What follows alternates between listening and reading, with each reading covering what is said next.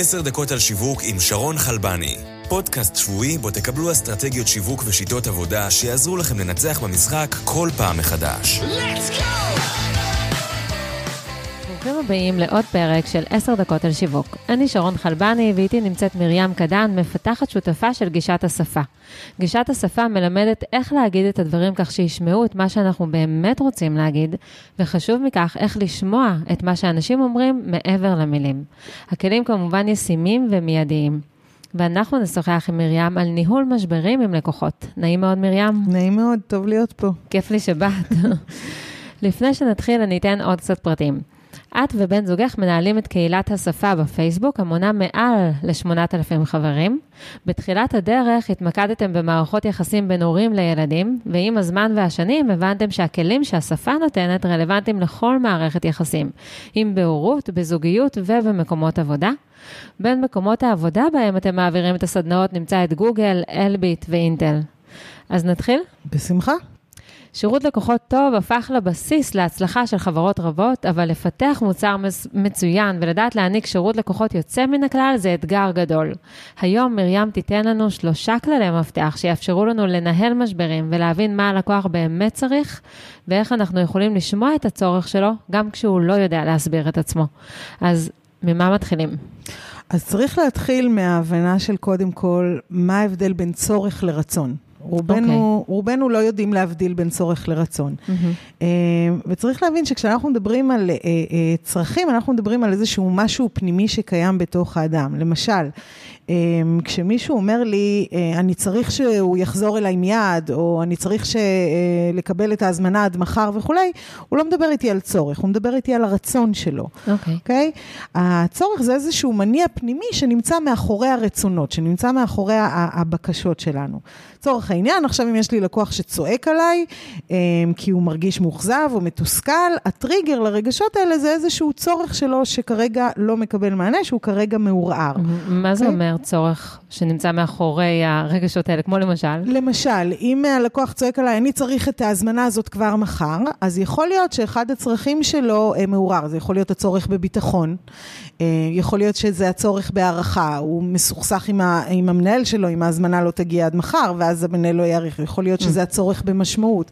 יכולים להיות המון המון צרכים, אנחנו לא תמיד נדע לדייק בדיוק, אבל אנחנו צריכים להבין שמאחורי כל דבר כזה יש איזשהו צורך, אוקיי? אה, למשל, הרצון של תנו לי פיצוי, או אה, תענו לי מיד כשאני מתקשר וכולי, זה בעצם רק דרך אחת שהוא מנסה בה למלא את הצורך שלו. אוקיי.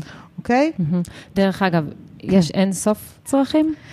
אמ, יש מספר מוגבל של צרכים, מה שחשוב להבין זה שלכל אדם בכל מקום בעולם יש בדיוק את אותם צרכים. כלומר, גם לי ולך שאנחנו יושבות פה וגם אה, אה, למישהו בשבט אפריקאי אה, נידח, יש בדיוק את אותם צרכים. ההבדל בינינו לבינם זו הדרך שבה אנחנו ממלאות את הצרכים. Mm-hmm. אבל הצרכים אותם צרכים, ביטחון ומשמעות ואהבה וקרבה והערכה וכולי וכולי. אפשר למצוא את רשימת הצרכים באתר שלנו. כן. אה, מה הדומיין של האתר? www.השפה.co.il. אוקיי. Okay. אמ, וככל שאני, למה בעצם כל כך חשוב לנו לשמוע את הצרכים? כי בצרכים אין קונפליקט. כלומר, לאף אחד אין בעיה עם צורך של מישהו אחר, רק עם הדרך שבה הוא מנסה למלא אותה. למלא את הצורך שלו. אז אם אני שומעת צרכים, אז באופן טבעי יש הרבה פחות קונפליקטים, שזה חשוב. אבל אנחנו לא שומעים את זה. נכון. אף אחד לא מתקשר ואומר, יש לי צורך בהערכה מהמנהל שלי, ולכן אני צריך... נכון, אם כי זה יכל לעשות את החיים ממש קלים. כן. אבל okay. אוקיי. נכון, רוב האנשים לא אומרים את זה, ובשביל שאני אוכל לשמוע את הצורך של האדם אה, שצועק עליי עכשיו, או מאוכזב ממני עכשיו, הדבר הראשון שאני צריכה לעשות זה באמת לנסות להתחבר לצורך שלו, ובשביל זה אני צריכה קודם כל לנקות פרשנויות, ולהיכנס למקום מאוד מאוד... מאוד אמפתי. Mm-hmm. Okay? מה, אוקיי? זה, מה זה פרשנויות? אז הפרשנויות זה כל מה שאנחנו חושבים על אותו אדם. Um, הוא מפיל עליי את העצבים שלו, um, מי הוא חושב שהוא, הוא תמיד ככה, הוא אף פעם לא, או אפילו פרשנויות שלי על עצמי, וואי, איזה פדיחות עשיתי, המנהלת שלי ממש תתעצבן עליי.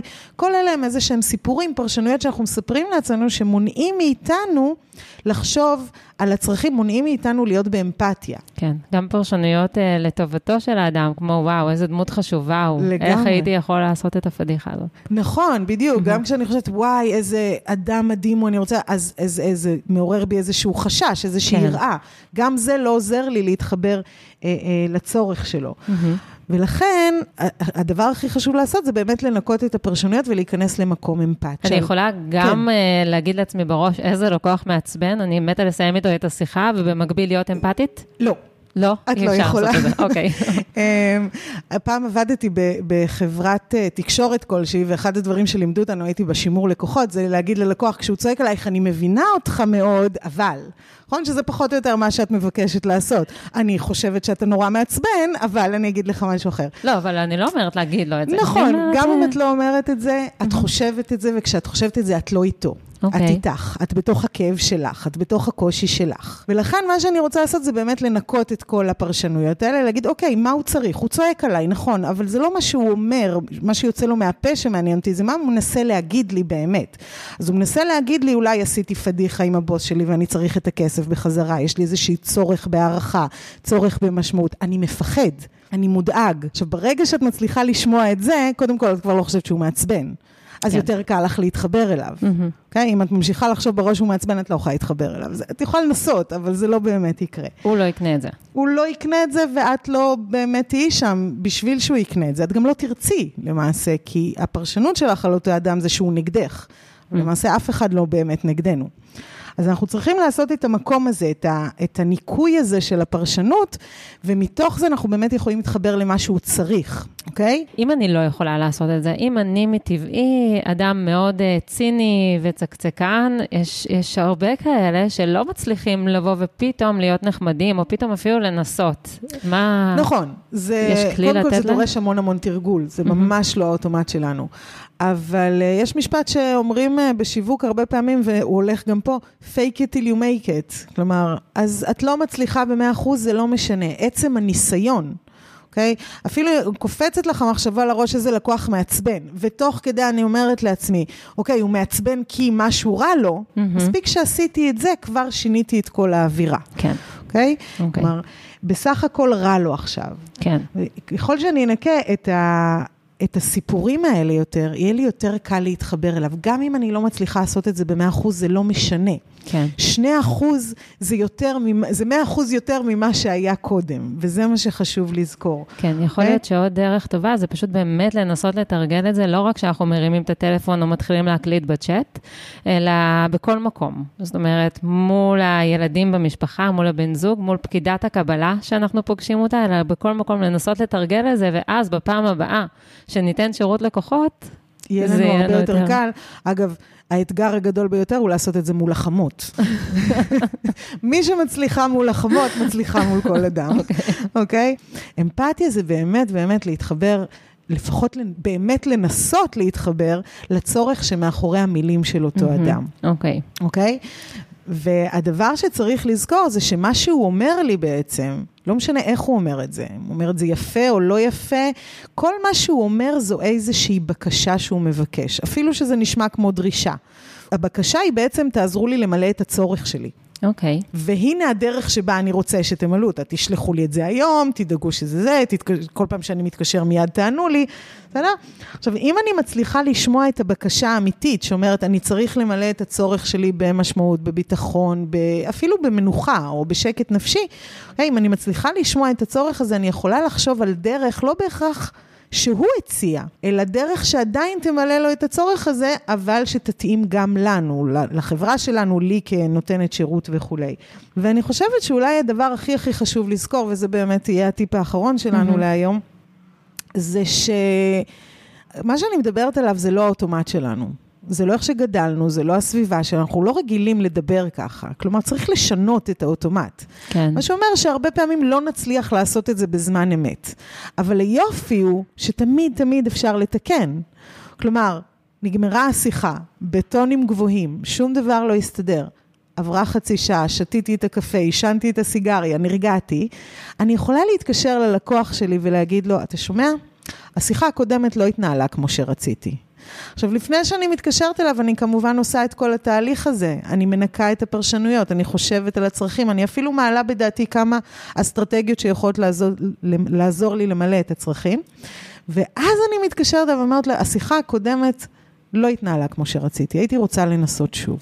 כאן אני שומעת כמה דברים. קודם כל אמרת להגיד לו, השיחה הקודמת לא התנהלה כמו שרציתי. זאת אומרת שאני מפנה את זה אליי, נכון. ולא כמו שצריך, ואז נכון. אני לא נכון. באה בצורה שיפוטית. ואני גם לא מאשימה אותו. ולא מאשימה אותו.